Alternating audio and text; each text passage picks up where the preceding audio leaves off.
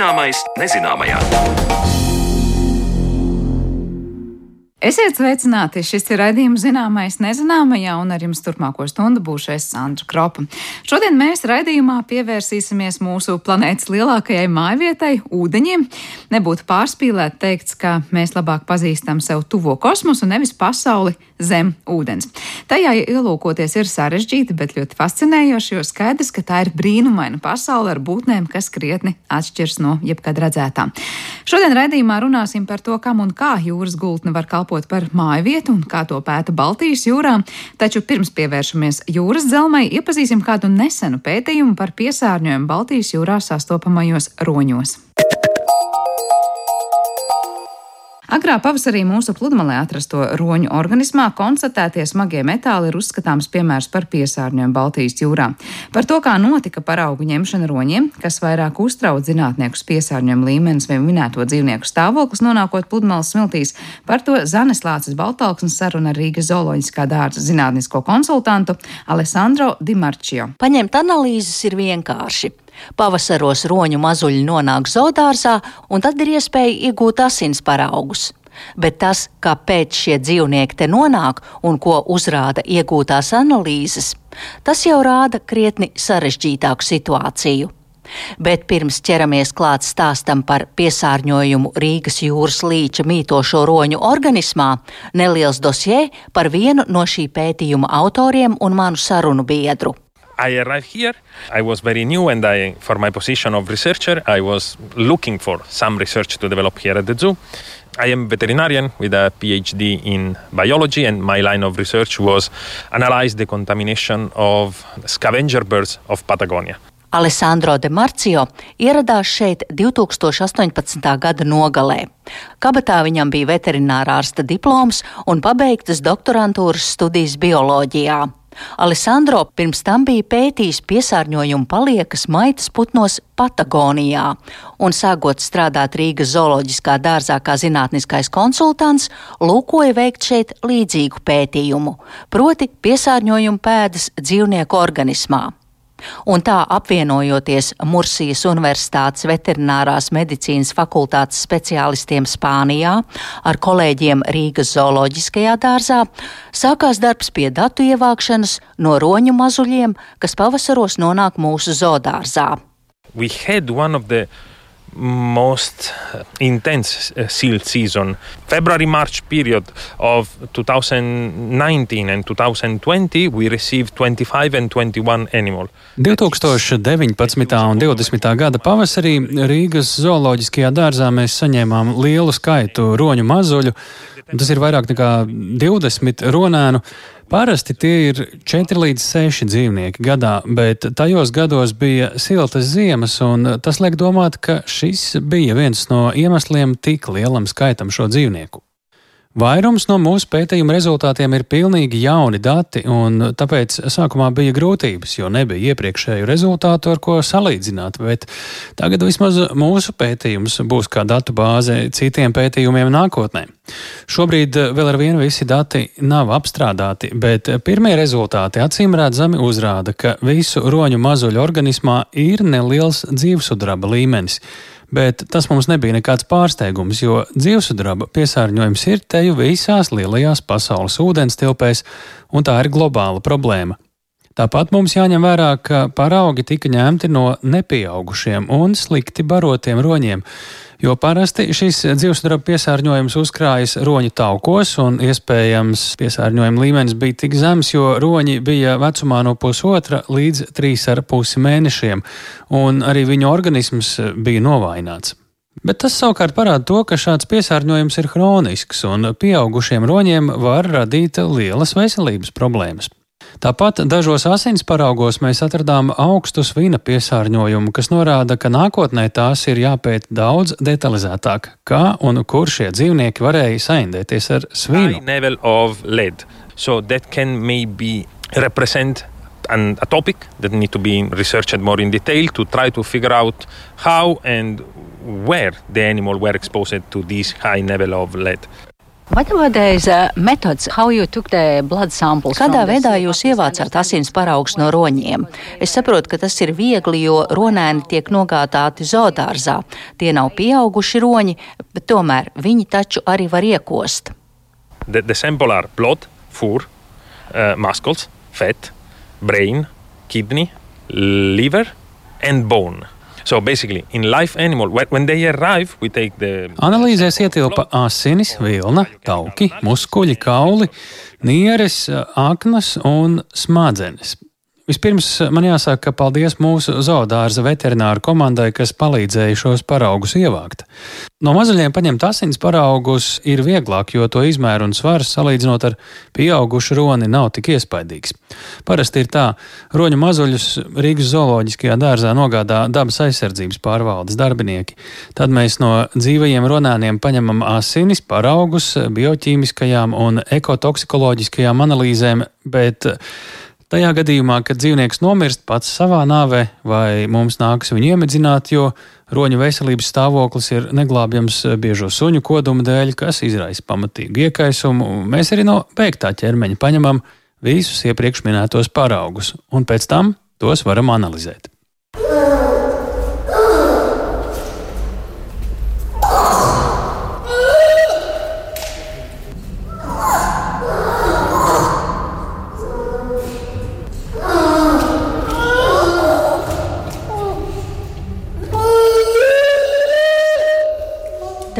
Roņu mazuļi brēc, kad vēlas sasaukt mammu vai ir izsalkuši. Šādas skaņas katru pavasari ir jāklausās Rīgas zodārza roņu kopējiem, kas mēģina izbarot un izauklēt šie nonākušos dzīvniekus. Un Alessandro de Marcio vairāk kārt uzsver, Jā, viņiem kā pētniekiem ir vienkārši apstrādāt datus, ja tepat līdzās ir pieejami šie brēkuļi. Bet tomēr skumja aina paveras, kad atkal gadu no gada, jau kuro pavasari pēc kārtas, ir jāatgādina suņu īpašniekiem. Redzot roņu mazuli pludmalē, lūdzu, vediet savu suni pavadā un netuvojieties ronim. But of course, the sad thing is most of the animals that are put to sleep, animal with a massive injury uh, produced by uh, dog bites. And Bet tas visskumjākais ir tas, ka lielāko daļu no šiem dzīvniekiem mums ir jāiemidzina. No vienas puses, Kā pētnieki mēs varam priecāties, ka iegūstam labus paraugus pētījumiem, bet no otras puses, ja suņu īpašnieki tajā laikā, kad roņu mazuļi pavasaros parādās, vairāk uzmanītu savus maidzīvniekus un nelaistu tos roņu tūmā, tad tas samazinātu to roņu skaitu, kuri ik gadu tiek nogādāti zoodārzā glābšanai, un mums savukārt daļa no šiem dzīvniekiem nenāktos eitanazēt maintain the dog under control could reduce the number of animals that we receive every year and that sometimes can't be rescued. About, uh, the... Kādi ir pētījuma rezultāti, ko tie uzrāda, kāds ir kopsavilkums pēc analīžu datiem? As I said, we, we need to analyze even a, a lot of data. These preliminary results show this presence of mercury in not so high level. Kā jau sākumā teicu, mums vēl daudz datu ir jāanalizē, bet jau esošie rezultāti rāda, ka ir nepārāk augsta, bet bieža dzīvesudraba klātbūtne. Tāpat roņa organismā ir konstatēts svins, bet tas nav nekas jauns šāda veida pētījumos, jo dzīvesudrabs ir viens no galvenajiem draudiem ūdeņos dzīvojošajām dzīvnieku sugām, gan zīdītājiem, gan putniem, gan zivīm. Bet tomēr ir svarīgi iegūt arī šos datus. Un vēl interesanta ir jauna pieeja roņu izmantošanai novērošanā, proti, ka šo dzīvnieku analīžu rezultāti var tikt lietoti kā kontroles dati cilvēku veselībai. Tā kā roņi ir galvenie plēsēji Baltijas jūrā un barojas no teju jebkuras sugas zivīm, tad šo roņu analīzes dati noder kā salīdzinājums ar cilvēka veselības stāvokli, jo mēs taču arī pārtiekam no Baltijas jūras zivīm. Tātad svina saturs, kas ir jūrā, nonāk zivīs, un tad roņos, un arī cilvēkos. Pamatojoties uz šīm eh, roņu analīzēm, mēs varam izmantot šos datus tālāk cilvēkiem. Tātad ar vienām analīzēm mēs eh, iegūstam plašāku skatu uz cilvēku veselību un ekosistēmu Baltijas jūrā. Them, but with the analysis of one, we can have wide uh, idea of everything. So later will be easier to focus on one or other species. And I understand, as you said, com, uh, Kā jūs uh, teicāt, tad šos rezultātus var attiecināt arī uz cilvēkiem. Uh, cik lielā mērā šis piesārņojums tad apdraud mūs? No, this first data don't show an um, extremely alarming situation for human, uh, but Šie pirmie dati neparāda ļoti satraucošu situāciju cilvēkiem, bet tas tomēr ir brīdinājums par svina saturu jūrā. Kā jau minēju, ir jāņem vērā, ka šie ir rezultāti no jauniem roņiem. Pieaugušu dzīvnieku analīzēs droši vien būtu pavisam citāda aina. Taču jau esošie pētījuma rezultāti mums palīdz labāk izprast procesu par piesārņojumu Rīgas jūras līcī adult seals will have definitely different value. But that could help us uh, to understand all the process. Un kā šie visi ķīmiskie elementi ietekmē roņu veselību? Most of the, pollute, the problem related with uh, environmental pollution for seals are reduction of fertility, um, Galvenā problēma ar šādu vidas piesārņojumu ir tā, ka tas ietekmē roņu mātīšu auglību. Tas izraisa neauglību, un arī mazuļi, ja tie piedzimst, ir ar veselības problēmām. Šie dati var noderēt mums nākotnē, lai labāk plānotu Rīgas jūras līča ekosistēmas aizsardzības programmu. Better program of conservation of the entire Baltic Sea, in this case more uh, Riga Gulf uh, ecosystem protection. Pagājušajā gadā pētnieki zooloģiskajā dārzā izglābtajiem roņiem pirms palaišanas atpakaļ jūrā pievienoja globālās pozicionēšanas sistēmu Šie dati ļauj izsekot roņu migrācijas ceļus un ļauj novērtēt, kā šie roņi izdzīvo Baltijas jūrā.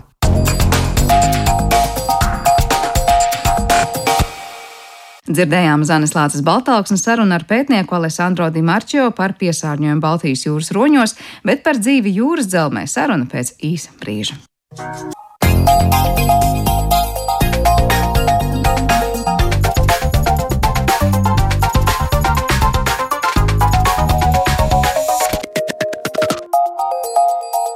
Zināmais nezināmajā. Jūras un okeāna gultne ir mūsu acīm slēpta pasaule. To redzam tikai nirstot vai skatoties dokumentālās filmas, tāpēc nav pārsteigums, ka par šo vidi maz ko zinām. Vai tā ir tukšs, smilšains klajums vai dzīvības pilna oāze? Kas notiek šajā tumšajā dzelzmē arī Baltijas jūrā un ko esam izpētījuši par vismazāk zināmo mūsu planētas ekosistēmu okeāna gultni? Par to tad šodien runāsim ar mūsu studijas viešņu Ingrīdu Andersonu, tātad Latvijas Hidroekoloģijas institūta vadošo pētnieci. Labdien, Ingrīda! Labdien. Es zinu, ka šis laiks ir tāds aktīvs, darbīgs laiks pētniekiem, kas pievērsušies jūrai, un arī patiesi salīdzinoši nesen atgriezusies no kārtējā laikam brauciena ar kuģi jūrā, kur pētāt Baltijas jūru. Es saprotu, ka viens no aspektiem diezgan izteikts ir tieši saistībā ar Baltijas jūras gultni un ar tām dzīvotnēm, kas tur ir. Kas īsti ir tas, kas ir aktuālais pētījums šobrīd Baltijas jūrā? Nu, jā, mēs šobrīd strādājam pie LIFE projekta, kas ir saīsinājums ir LIFE RIF projekts, bet garais nosaukums ir jūras aizsargājumu biotopu izpēte un nepieciešama aizsardzības stāvokļa nodrošināšana Latvijas ekskluzīvajā ekonomiskajā zonā. Un tur mēs tieši veltam uzmanību šo te, nu, kā lai saka, tālo un, un dziļo biotopu izpētēji. Un, uh, man patīk šī ievadruna, tāpēc es domāju, ka ir, ir mākslinieki citi attēlo to, ka to jūras gultni varētu, kā to jūras ūdeni varētu kā sedziņu pacelt un paskatīties, kas tur apakšā ir bet nu, tā tas mums neizdodas. Mēs braucam jūrā un tad ar video kamerām kā, un laižam un, un skatāmies.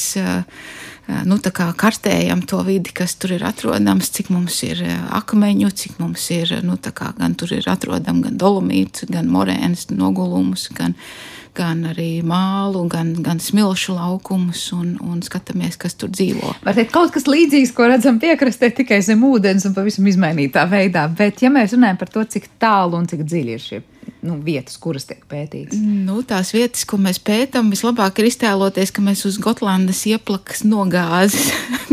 Es nezinu, cik to var labi iztēloties, tāpēc, ka Baltijas jūrē tas nu, grunts ir ļoti nevienmērīgi. Ir pie krasta ir seklāks, bet tad ir tādas dziļas bedres, ko sauc par pieplakām, kas ir nu, lielas teritorijas un, un kur pārsvarā ir šīs bezskābekļa zonas. Un tad mēs uz šīs nogāzes strādājam un pētām to, kas, kas tur ir vēl, vēl tajā seklajā daļā. Un, Cik ir tā seklā daļa, kādos metros? Nu, mēs, mēs pēc kartes mums rādīja, ka tie būs 25 līdz kaut kādi 58 metri, bet uh, izrādās dabā, ka tas viss ir dziļāks, ir no 30 līdz kaut kādiem, nu, kādiem 65 metriem.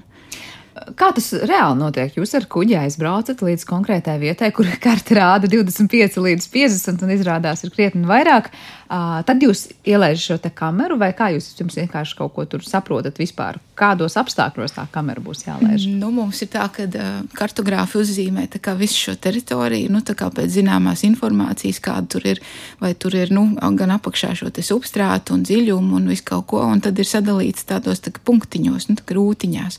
Un tad mēs to punktu, nu, tajos punktiņos mēs atbraucam, mēs noliekam kuģi uz ankuras, tad mums ir līdzi tiek vilkta laiva.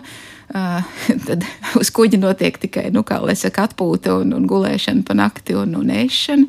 Pārējais darbs viss notiek no laivas. Ar laivu tad mēs braucam no punktiņa uz punktiņu, izmēram dziļumu, nolaižam kameru, nofilmējam katrā punktā trīs minūtes, skatāmies, kas tur ir. Pierakstam, viss tiek nu, skrupulozi pierakstīts, lai gadījumā, ja video nav izdevies vai kaut kāds, nu, ir vienmēr gadās kaut kādas problēmas, tad, lai mēs varam, nu, pēc tiem pierakstiem šos rekonstruēt, rekonstruēt visu to situāciju. Bet tas, ko jūs redzat, es pieņemu, nu, kaut vai Baltijas jūrā peldoties, ir skaidrs, ka tā nav tā dzidrākā un caurredzamākā. Es iedomājos, ja jūs esat jau tādā, nu, pietiekoši tālā vietā, kur tas dziļums ir piemēram 60 metri, jūs Jā tiešām, nu, cik dziļi jūs to kameru ielaižat? Cik tālu jūs ko, ko mērat, un vai tur ir tāda pilnīga tumsa, un kā jūs vispār orientējaties, kas tur ir saskatāms? Ielaižam, protams, līdz apakšai mums ir. Tātad līdz pat tiem 60 vada garums ir 150 metri. Mēs varam arī vēl krietni dziļāk ielīst, nu, ja laika apstākļi atļaut. Bet uh, nolaižam uz grunts, apakšā ir tumsa. Tumsa sākās jau kaut kādos 25 metros, tur, kur, nu, kur ar aci jau vairs neredz, un nav pat tāda krēsla vairāk. Un, uh, Nu, tad ieslēdzam savus prožektorus kamerai un, un sākam filmēt. Redzamība jau ir diezgan niecīga. Varētu teikt, ka nu, nezinu, pusmetru priekšā mēs redzam. Tur na, nav tā, ka mēs varētu runāt par kādām krāšņām zemūdens ainavām, ko mēs varētu ieraudzīt šajos video materiālos. Un, protams, bieži vien arī tā duļķainība ir, ja gadās sezona tāda, kad nu, ir, ir bijusi aļģu ziedēšana un tās aļģis nu, tā grimst, viss atmirst un grimst tad dabiska redzamība ir mazāka. Un, un arī tad, ja, ja nu, teiksim, nepalaimējās, ja mēs neredzam, ka tas, tas dibens jau uzreiz jau tuvojās, un tā, tas, tā, tā kamera nokrīt pa strauju un uzduļķo to visu, tad, tad arī redzamība, protams, ir, ir mazāka. Bet, ja tā redzamība ir tas pusmetrs, varbūt vai mazāk, kā jūs tur vispār varat saprast, vai tur ir, piemēram, akmeņs, kaut kāda tā, tā grūns ir no akmeņiem, vai tur ir smiltis, vai tur ir, es mm. nezinu, apaugums ar kaut ko, vai, vai kāds nu, ir tas? Tos mēs jau esam iemācījušies atšķirt jau kādu laiku arī no piekrastes biotopiem, bet nu tad kamera ir vadāma, tas ir nu tā kā no virsmas operējama Tas ir tas angliskais nosaukums ROV, bet, nu, kad remotely operated vehicle, bet, bet tā tad viņu var vadīt ar joystiku vienkārši un tad tā kā braukāties un skatīties būtībā, nu, tā kā drons zem ūdens. Bet to, ka tur ir akmens, to var redzēt skaidri tajā jā, brīdī. Tas jau. viss ir izšķirams apaļš, visas tās formas var noteikt, cik ir liels akmens, ir lāzeri, kur, kur pēc attāluma tad var, var uh, saprast, cik ir liels, kādi ir tie dzīvnieki, kas dzīvo uz šiem akmeņiem vai arī nu, smiltīs. Arī. Tā kā to visu var, var ieraudzīt. Kādi ir līdz šim tie secinājumi? Es saprotu, tas vēl ir pāragri droši vien runāt, jo pētījumi tikai notiek, bet nu gan jau ka kaut kādas sajūtas ir. Mm. Kāda izskatās tā Baltijas jūras gultne nu, tajās vietās, kur mēs parasti nepeldamies un neredzam? Jā, nu, interesanti. Tāda nu, mozaīka varētu teikt, ka mums ir ārkārtīgi tāds, mozi, mums ir tāds iemīļots izteiciens, mozaīka veida substrāts, kur kur uh, ir akmeņi mijās ar šiem smilšu laukumiem un, un granti un oļiem. Tad, protams, tie, kur, kur vairāk mēs dzīvību redzam, tie ir akmeņi. Uh, smiltīs ar dabiski ir viss kaut kas dzīvo, bet tos nu, tie parasti ir ierakušies. Tos mēs neredzam video kamerās, bet to, kas dzīvo uz akmens, to mēs dabiski varam redzēt labāk. Un, Un uh, tad mēs esam atraduši šos laukakmeņu laukus. Tad ir interesanti, kas, teiksim, arī kartēs īpaši neparādās, ka mums ir dolomīta atsegumi ļoti daudz. Un, Un tas tāds, nu, tā kā tie akmeņi un dolomīts rada tādu uh, trīsdimensionālu vidi.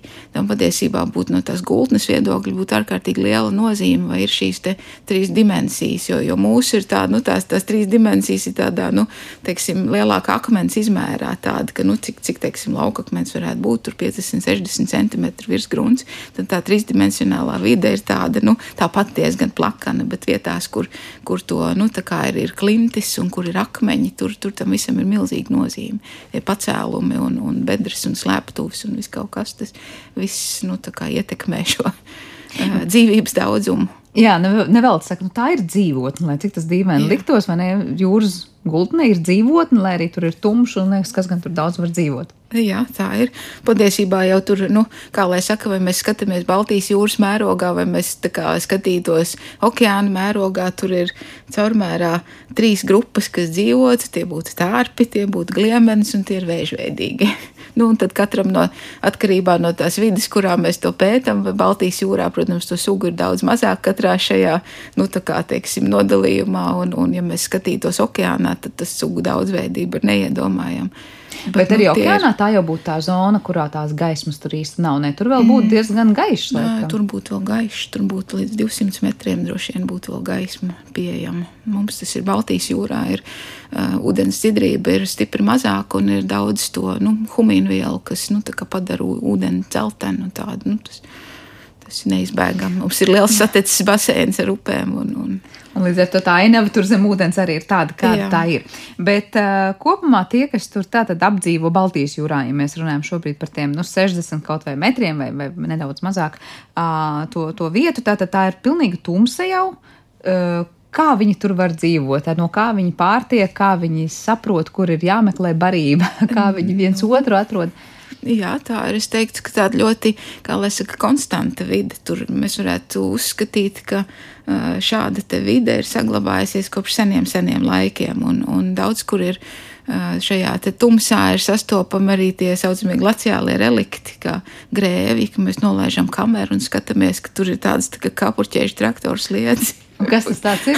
Kur uh, grēvis ir nu, tāds, nezinu, izlasīja, ka tas ir vienādi kā vēzis, tad, viņš ar, ar daudzām kājām soļo tur pa to grunti, un īstenībā tāds liels plēsīgs dzīvnieks. Viņš Cik ir liels tas ir? Uh, izmēros varbūt nu, tā, no, no puscentimetra līdz pat deviņi centimetri. Tāds nopietns radījums, liels plēsējs. Patiesībā no ledus kaut kāda ezera laikiem tur vēl tāds ir sastāvs, nu, kāpēc mēs sakām glaciālais. Glaciālais relikts, jā, no ledus laikmeta tā kā vairāk. Es domāju, ka vairāk šis te grēvis ir izplatīts nu, sāļos ūdeņos. Viņš ir okeāna suga, ir, bet es domāju, ka tas ir palicis tais laikos, kad, nu, kad, tas, kad, nu, kad Baltijas jūra vēl lāga nebija izveidojusies, un, un ka, visus, kā, ka bija vairāk ūdens, visas sēdes tas ledājs, un, un droši vien, ka tad bija arī, arī tie grēvi palikuši, un tagad viņi ir pielāgojušies dzīvē daudz dažādos apstākļos. Bija daudz tūkstošu gadu, lai pielāgotos, ja dzīvē Baltijas jūrā. Jā. Tas izklausās ļoti interesanti, klausoties arī, ko citi pētnieki ir stāstījuši par Baltijas jūras atkal veidošanās vēsturi, kā mēs kaut kur atsevišķās vietās krastā varam redzēt, lūk, tas ir, piemēram, liturīnas laika, tur nogulumi, vai tas ir vēl senāks laiks. Tad patiesībā gultni skatoties līdzīgi tieši tāpat zemūdens var nolasīt dažādas Baltijas jūras attīstības posmus tur ar visiem mm. iemītniekiem, kas tur palikuši.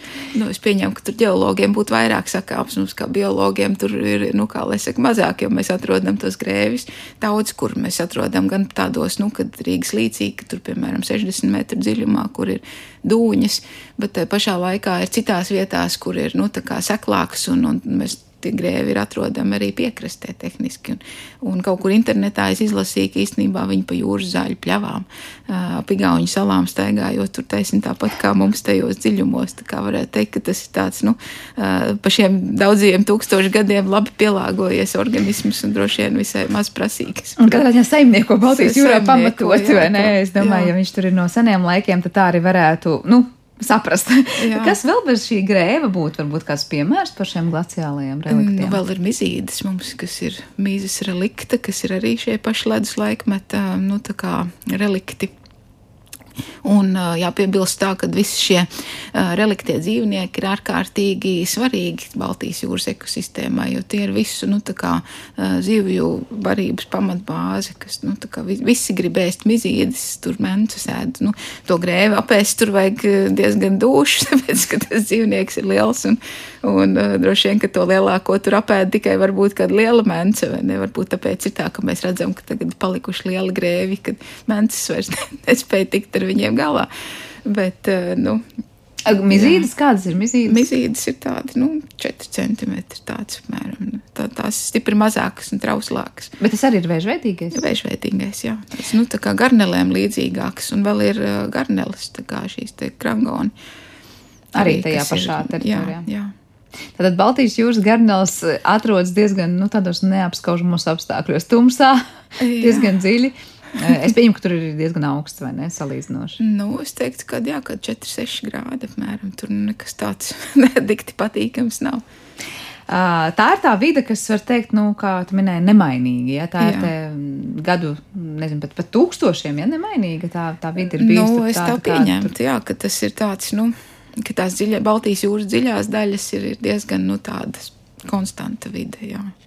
Kur ir tā mainīgākā, drusku tuvāk krastam? Nu, vai... Krasta noteikti ir dinamiskāka. Tur, un, un tur, protams, arī viss tā uh, dzīvība un audzelība ir, ir lielāka. Jo tur, kur nu, saule mums ir, ir vitāls faktors, kas ir nu, svarīgs visam, tur, kur mums saules gaisma iespiežās, tur mēs piekrastē varam atrast arī augus. Tad mums ir zemākie augi, aļģes.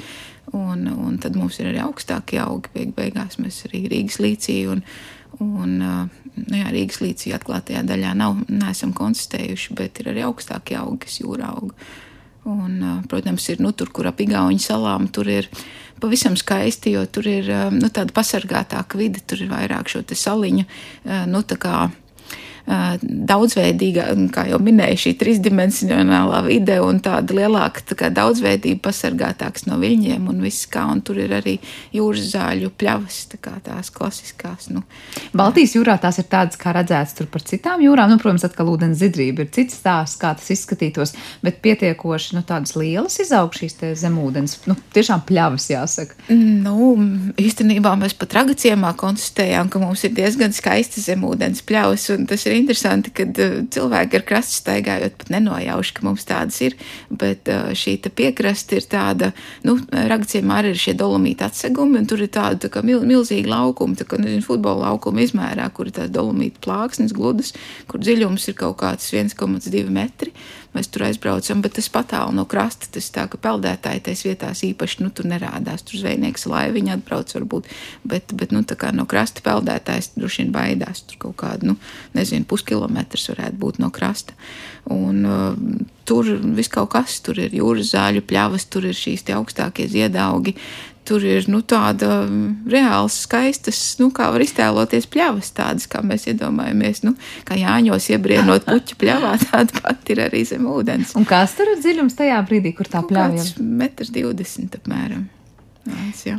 Metru 20. Jā, mums ir tikai tādā attālumā, puskilometra no krasta. Jā, mums ir liels grūtības ar niršanu. Mums bija līdz pat tādiem kurioziem, ka, nu, parasti mēs tā kā nirstam divatā, bet tur tajā seklumā nevar ienirt, tāpēc, ka visu laiku, nu, tie viļņi drusku traucē un slēgt ceļu augšā. Un, un tad bija tā, kad, kad es tā kā niru, lai paraugus paņemtu, vai ne, un man kolēģi sēdēja uz pleciem, vai, vai varētu nospiest zem ūdens citādi. Bet tur ir metrs, metrs 20 tikai. Jā, jo bet, nu, tur ar rokām tā kā iebāzt nu, rokas, nu, tā kā vien nevar, un tā kā pa tālu, un tad ir jālien vien tā kā pa Tur īstenībā ir īstā vieta, kur vienkārši iz, izstaigāt ar zemūdens kameru šīs vietas. Jā, tā varētu, jā, kad vienkārši staigāt, bet, nu, tie attālumi lieli, jo tur viss, nu, tā kā mēs atradām lielas platības tevi tajā ragaciemā. Redz, kā ļoti interesanta vieta, es domāju, par kuriem lielums vispār pat nenojaušu, bet kas tavuprāt ir tā interesantākā līdz šim atrastā vēl bez varbūt šīm ragaciem teritorijām eh, zemūdens vietas, kas Baltijas jūrā liktu teikt, o, redz, kur ir kaut kas ļoti, ļoti interesants. Ak, tā, tas ir labs jautājums. Man ir vietas, bet es nemaz tik ļoti negribētu stāstīt par to. Ah, skaidrs, visu, labi. Bet, tas patiesībā, nu, kā lai saka, tādas ģeoloģiski nozīmīgas vietas. Bet, uh, Vai mēs varam tad labi, sargājot šos, šos šīs vietas un to nākotni, no neatklāsim, tādiem. kur tās atrodas, bet kas ir tas interesantais tajā Baltijas jūrā? Uh, smilšakmens atsegumi zem ūdens. Un tur, kur ir tāds, tā kā tas ledājs ir visam gājis pāri, tad ir tad ir atstāti nu, kā lai saka, mm, tie akmeņi, kas ir, nu, kā, nu ko, ko ledājs nesis līdzi, tāpat visus tos laukakmeņus un visu kaut ko, un, un, un mazākus akmeņus un lielākus. Un tad tieši smilšakmenī tā kā ir iegriezušies iekšā, tādu veidojot tādu ārkārtīgi tādu interesantu vidi un, un Tad sanāk, izskatītos kā kaut kāds smilšu akmeņu atsegums kā... krasts, kurā it kā būtu iemūrēti akmeņi, lauka akmeņi, kaut kas līdzīgs. Tā kā nē, tu, ka tāds bišķi šūnas tāds izskatās, tāds, nu, tikai lielākos mērogos, un tāds nav, nu, bišķi šūnas ļoti. Nu. regulārs, mm -hmm. bet tur ir tāds, kad, kad, nu, lielāki, mazāki akmeņi, vis kaut kas tāds. Un tas atrodas kādā dziļumā? Nu, tur, kur viļņu darbība ir tādi kaut kādi 5, 10 metri, tādi, tur, kur Vēl bez šīs vietas varbūt ir kāda, kas mums arī pārsteidzoši, cik dažādi ir tā Baltijas jūras gultne dažādās vietās. Es nezinu, man jau liktos, nu mēs vēl tur īsti neesam bijuši, protams, tajā, kur ir bez šaurumā, ka tur ir viss kaut kas, cik mēs, teiksim, aizbraucam, tik mēs vienmēr atrodam kaut ko tur dīvaini. Tur ir gan šie te nu, kā lai saka, tie sēkļi, kas ir, nu, kartē iezīmētie, visi tie, tie sēkļi, bet tur arī tā, tā vieta ir ļoti dinamiska. Tur mainās tā garkrasta smilšu plūsma, un, un tur, kur mums pirms kaut kādiem, cik nu desmit gadiem bija veikta šī kartēšana, un, un bija akmeņi, un bija aļģis, un viss kaut kas tur šobrīd to visu sadz smiltis atkal. Un tāds, kas, nu, uh, kur droši vien glabā daudzas noslēpumus visādas, kur varētu atrasties viskaut kas sakarā ar šo te mainīgo dinamisko vidi, kur, kur tās smiltis at, nu, tā uz, uzbērtas tiek un atkal aizskalotas.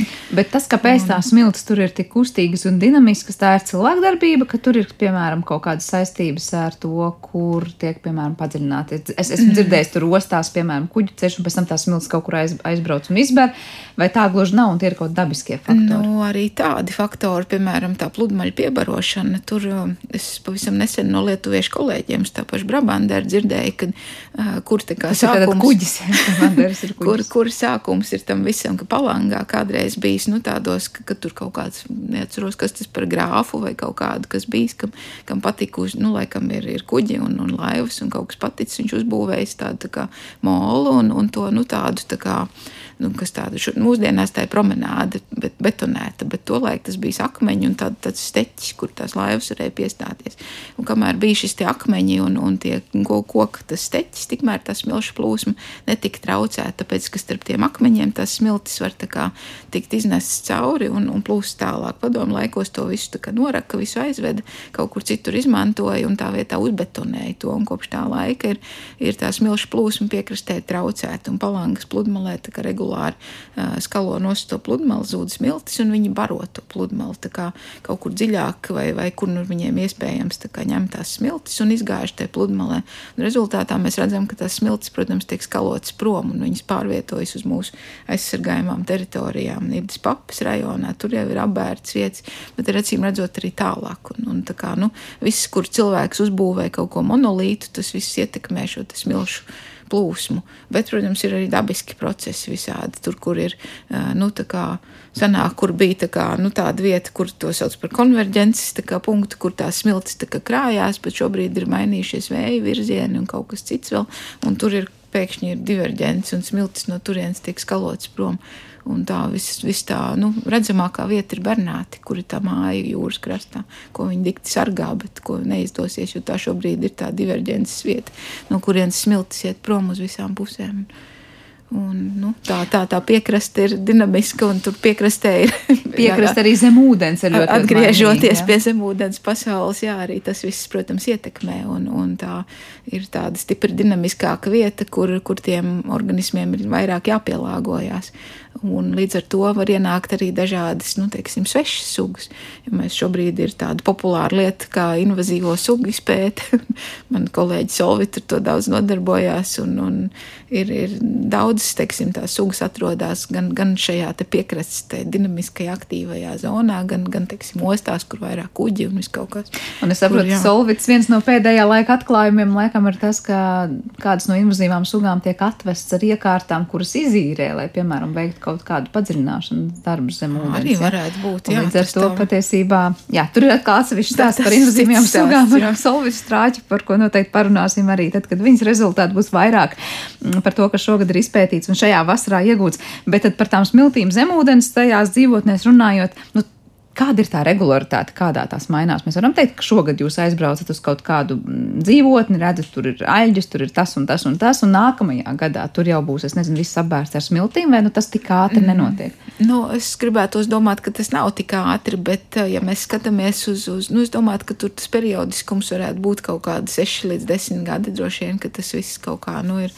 ir, ir nu, stabilizējās, bet uh, gribētu teikt, ka patiesībā tā vide ir ir ārkārtīgi mainīga, jo mēs, nu, kā, mēs varam izbraukt jūrā, tad, kad ir labi laika apstākļi. Bet, ja mēs paskatāmies, nu, es, klausītājiem droši vien nav zināms, kas ir labi laika apstākļi. Viņi domā, ka saule tas ir labi, bet, bet patiesībā tas ir vējš, kas, nu, kas ir viļņu stiprums, un, un mēs varam jūrā ar laivu braukt nu, līdz pusmetra viļņiem. Ja ir vairāk, tad jau tas ir paliek gan nu, grūti cilvēkiem, gan aparatūrai, gan visam ir, ir stipri grūti bet uh, šādi laikapstākļi ir vien daži procenti gadā. Tas, nozīmē, tas nav ka, paredzams pārāk nē, precīzi. Jā. Nē, un mēs tagad aizbraucam un, un apskatāmies, kā tā jūras tā, tā dzīvotne izskatās tais labajos laikapstākļos, bet mums pat nojautas nav, kā viņi izskatās tad, kad tur ir, ir 5 uh, un 6 metrīgi viļņi šajā rajonā. Tad tas viss noteikti ir tādā veļas mašīnā, ka ka briesmas vienkārši. Jā, tur laikam nebūtu arī risinājums nu, atstāt kaut kādos labajos laikos tehniku zem ūdens, kas mm. kaut ko fiksē, jo laikam tad, kad tur ir tie 5-6 metrīgie viļņi, tad arī tā tehnika aizies pa viļņiem. Nu, mēs esam to darījuši, bet mēs esam tik daudz tehnikas apglabājuši jūrā jau, ka ka tas laikam paliek liels noslēpums. Jā. jā, nu par, par to, ka jūras dzelma tiešām glabā daudz mm, nezināmu un droši vien daudz interesantu ir vairāk kā skaidrs, bet es vēl gribēju nedaudz atgriezties pie mūsu sarunas posmu, kurā tu stāstīji par tiem dzīvniekiem, kas, kas apdzīvo to jūras gultni, nu tiešām tajos neapskaužamajos apstākļos augsts, tumšs.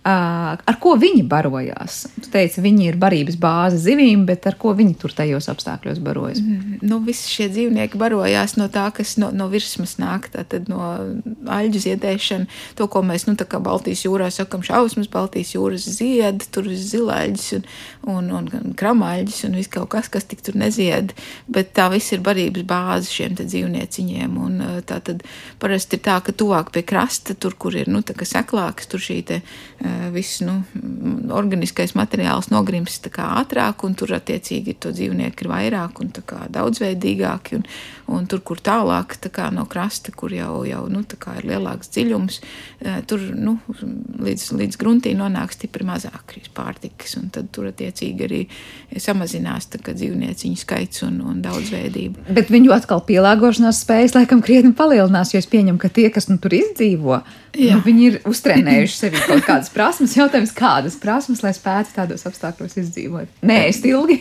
nu, tur acīm redzot, ir tā, ka tas metabolisms ir lēnāks, tāpēc, kad ir augstāka temperatūra, tad var pēdot, teiksim, dažreiz pēdot, var izdzīvot ilgāk nekā piekrastē, kur ir silts un jābūt aktīvākiem.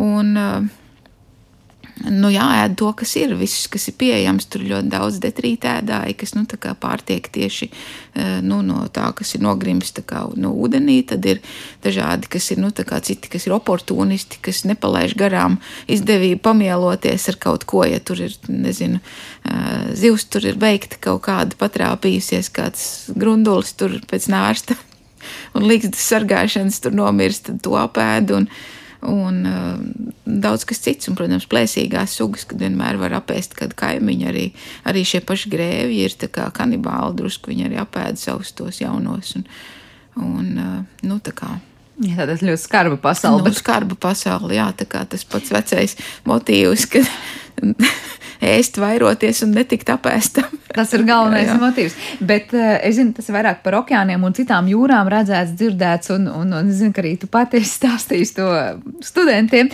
par bioluminescenci kā viens nu, no, no, no variantiem, kā tiem organismiem tur sazināties, tad, kad tie apstākļi tādi, kādi ir. Kā ir Baltijas jūrā, vai vispār bioluminescencei tur ir jēga un viņi var notikt, un kā tur sazinās tumsā šie organismi mm. savstarpēji? Nu, Baltijas jūrā ir bioluminescenti šaki, tur kaut kur lejā pie Dānijas krastiem, tur, kur sāļums ir lielāks, tur ir tās okeāna sugas, daži dinoflagelāti ir bioluminescenti, bet mums nav tādas, diemžēl, to organismu, kas nu spētu bioluminiscēt. Bet tas, kā, kā, kā tad viņi sajūt, kur ir kāds ko apēst, pēc kādām maņām orientējas šie organismi tajās mūsu, mūsu tumšajās un skarbajās vietās? Nu, es domāju, ka tur ir Pārsvarā tur ir tās šīs bentiskās zivis, gan mences, kurām ir tādi speciāli nu, tā taustekļi, kas tur vien ir jutīgi uz, uz, uz, nu, gan uz pieskārienu, gan uz kaut kādu vidi, un kas var, var kā, ir, ir iz, nu, izveicīgi plēsēji. Un, un tad ir šīs bentiskās zivis, kas vienkārši dzīvo, kā, kas ir nu, teritoriāls. Mēs tagad šajās tālajās vietās atradām tās buļļzīves, nu, kas ir ziemeļbuļļzīves. Un, nu, mēs tā sajūtāmies kā, kā tādi, kas ielaužās tajā viņa dārziņā. Jo vien, vienreiz gadījās pat tāds kurjos, ka mēs kā, izmēģinājām jauno kameru. Mums bija nu, vecā, bija nu, likās laba, bet vajag vēl. Un, un izmēģinājām jaunu un nemācējām ar viņu vēl īsti operēt. Un, un tad, kad nu, nolaidām viņu, viņi viss kā, nu, nolaidās viss labi uz grunts. Un, Un mēs pat nepiefiksējām, kas notiek līdz tam, kad atbraucām krastā un mēs noskatījāmies to video, ko tā kamera nofilmējusi. Izrādās, mūsu kamera ir nolaidusies tieši blakus tai buļzivī, un tā kamera ir nu, tāda ne, neoperējama, viņa nekustās uz priekšu, un, un tā buļzivs saprot, ka viņa tur ir priekšniece, un viņa tagad redz, ka tā kamera valkās tai laivai pakaļ, un, un viņa tā kā nāk virsū un dzen to kameru projām, un, un tad pēkšņi mūsu tā laiva kaut kur tur tiek aizrauta, vai ne, un tā kamera arī paceļās gaisā, un tā buļzivs vēl pilnīgi tādu tā kā lēcienu, ka tad haizivs peld pakaļ, tai un viss viņi ir aizdzinusi to kameru. viņi, nu, tā kā sargā to savu teritoriju, nu, viņi jau neēd tās gliemenes, viņi droši vien ēd kaut kādas, vai, nu, tur tās garneles vai, vai mizīdes vai kaut ko, bet, nu, teritoriju viņi sargā. Un arī nirējām tā, ka es viņai piepeldu klāt un tā kā bakstīšu ar pirkstu, tad šī var krāda, ka viņa. Ka tā tomēr ir tās teritorija, vai ne? Jā, jā, ka tā ir viņas teritorija, tur nevar. Mēs vēl nepaspējām parunāt par to, kuras ir tās vietas Baltijas jūrā, kur ir nu, tās zivju vairošanās vietas, vai mēs parasti citreiz dzirdam salīdzināt. Nu, tie ir tā, tā kā bērnu dārzi zivīm, kur, piemēram, mazuļi uzturās vai tās tiek barots. Tās ir tās īpašās aļģu audzes, kur tās ir meklējums un kurās teritorijās tās ir tās vietas, kur teikt, nu, zivīm nu, ir īstā paradīze uzaugt. Jā, es pieņemtu, ka tās ir aļģu audzes vairāk, jo tur ir, nu, tā kā vairāk šo iespēju, nu, kur, kur paslēpties, kur baroties, jo tur nu, tie zivju mazuļi pārsvarā zooplanktonu barojās. Un, un varbūt arī kaut kādām nu, tā kā sānpeldēm un kaut ko citu, kas tur apkārt. Bet es domāju, ka tas vairāk ir tās piekrastes aļģu audzes. Tās, man liekas, ka tagad bija jauns nosaukums zivīm nozīmīgās teritorijas. Jā, tad tā sauksim tā saucamos bērnistabas un barošanās vietas Jā. vai slēpšanās vietas kā zivīm nozīmīgās teritorijas, bet droši vien ir atšķirība, vai tās ir zivīm nozīmīgas teritorijas, nu, mazuļu un augšanas laikā, vai zivīm nozīmīgas teritorijas, tad, kad tās ir pieaugušas un kur tām, es nezinu, baroties vai paslēpties, vai tās teritorijas pārklāsies. Mm, nu, nē, man liekas, ka eh, nepārklāsies. Bet arī tā, ka, piemēram, tās piekrastes, nu, tās aļģu audzes, tās ir svarīgas un ārsta vietas. Bet vai mazulīši tur dzīvot. Tā, nezinu, to varbūt ihtiologiem jāprasa, ir, kur viņi vairāk sastopjas. Droši vien, ka tie vairāk kā, dzīvo citur kaut kur un pārtiek no zooplanktona. Tā kā tur viņi tā kā nārsto tikai un, un tad dodās citur, bet ir atkal, nu, citas tā kā varbūt tās piekrastes zivis, kur kaut kāda, nu, kas ir, ir vairāk ar, ar upēm saistītas, tās tur varētu uzturēties un kaut kāda asari un, un kas mums vēl tāds nenāk prātā īsti. Bet tad noslēdzot šo sarunu, es zinu, tu teici, tā ir mozaīka veida dzīvotne, ainava, sauksim to, kā tā ir.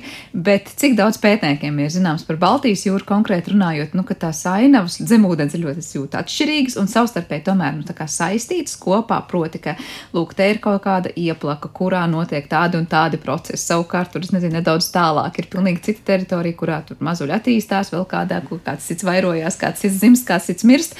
Proti, cik ļoti savstarpēji saistītas saistīta tīklā ir tā zemūdens pasaule, kur, nu, kā izklausās, ir ļoti, ļoti atšķirīga. Pat Baltijas jūrā ar laikam pārdesmit metru atšķirību. Jā, tas ir ļoti labs jautājums. Tāds. Es domāju, ka mums tik ļoti detalizēta vēl šī informācija visa nav, bet es domāju, ka tas ir ļoti viss saistīts. Jo tāpat, nu, tāpat visas šīs ūdens traumas un, un tās kustības ir. Nu, Es domāju, ka nu, ir, ir visi šie, gan, gan šie dziļumi ir saistīti ar piekrasti, un, un ja tur tāpat tās, nu, ir taču ārkārtīgi daudzi dzīvnieki, kuriem ir šīs abas stadijas, kuriem ir ventiskā stadija un tā peldošā, un tā, ka tiek iznērsti tā kā, nu, nosacīti, nezinu, tā kā ikri vai, nu, kaut kādi šie dzimuma produkti, tad, tad sākotnēji mazuļi ir tā kā peldoši, un pēc tam viņi atrod šīs vietas, kur piestiprināties un nogrimst. Un, un, uh, vai atkal otrādi - kā medūzas, kas mums ir tāds arī nu, noslēpumains organisms nu, jūrā, kur mēs īsti nemaz tā kā.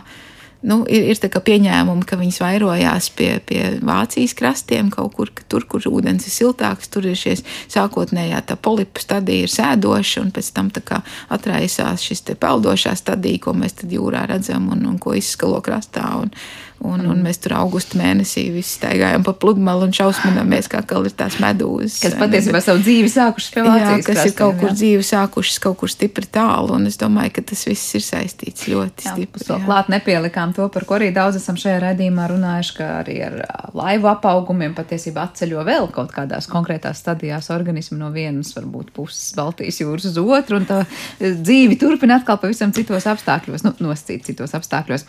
Bet skaidrs ir viens, paldies! Paldies, Ingrīda, tev par šo stāstu un to, ka mums ļāva nedaudz ielūkoties tajā, kādu pasaules zem ūdens redzi tu, kas ik pa laikam ienirst Baltijas jūrā vietās, kurās nu, mēs parasti tā kā nedodamies, ne peldēties, ne nirt.